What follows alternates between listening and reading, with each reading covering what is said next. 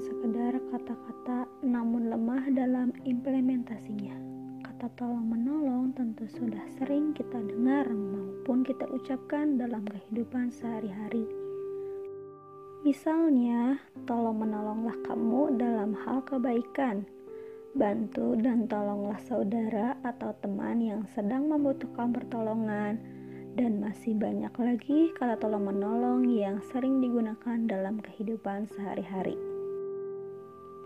Tolong menolong adalah kegiatan membantu dikarenakan rasa simpati atau peduli terhadap orang lain, baik berupa dalam benda, nasihat, maupun tenaga.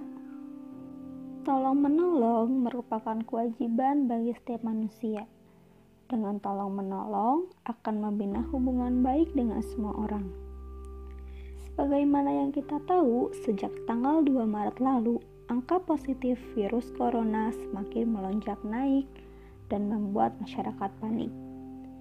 Pemerintah pun harus mengambil keputusan pembatasan sosial berskala besar atau PSBB untuk mengurangi rantai penyebaran virus corona karena PSBB ini, rutinitas berkumpul yang bisa dilakukan masyarakat pada hari normal terpaksa harus dihentikan.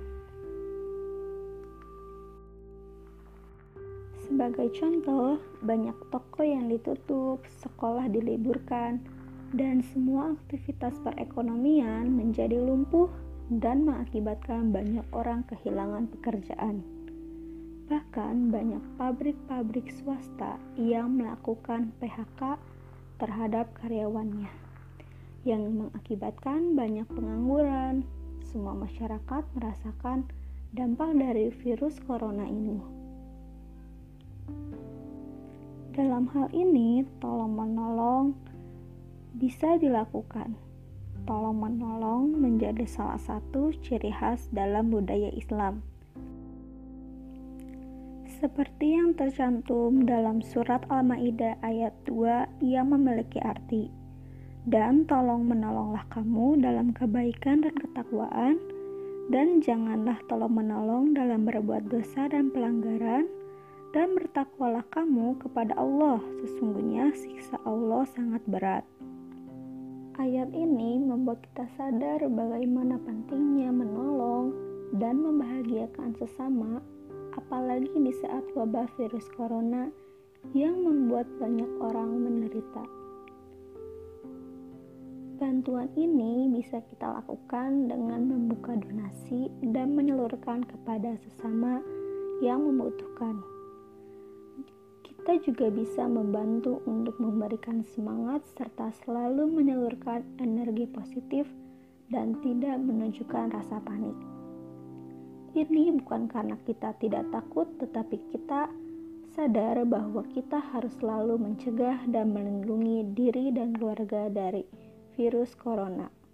Kita harus saling memberikan dukungan terhadap sesama. Dengan menolong, maka akan memberikan kebahagiaan terhadap orang yang ditolongnya tersebut. Sedangkan Allah sangat mencintai perbuatan yang bisa memberikan kegembiraan di hati orang-orang yang beriman. Kita harus yakin dan percaya bahwa apabila kita membantu orang lain, maka Allah juga akan membantu kita.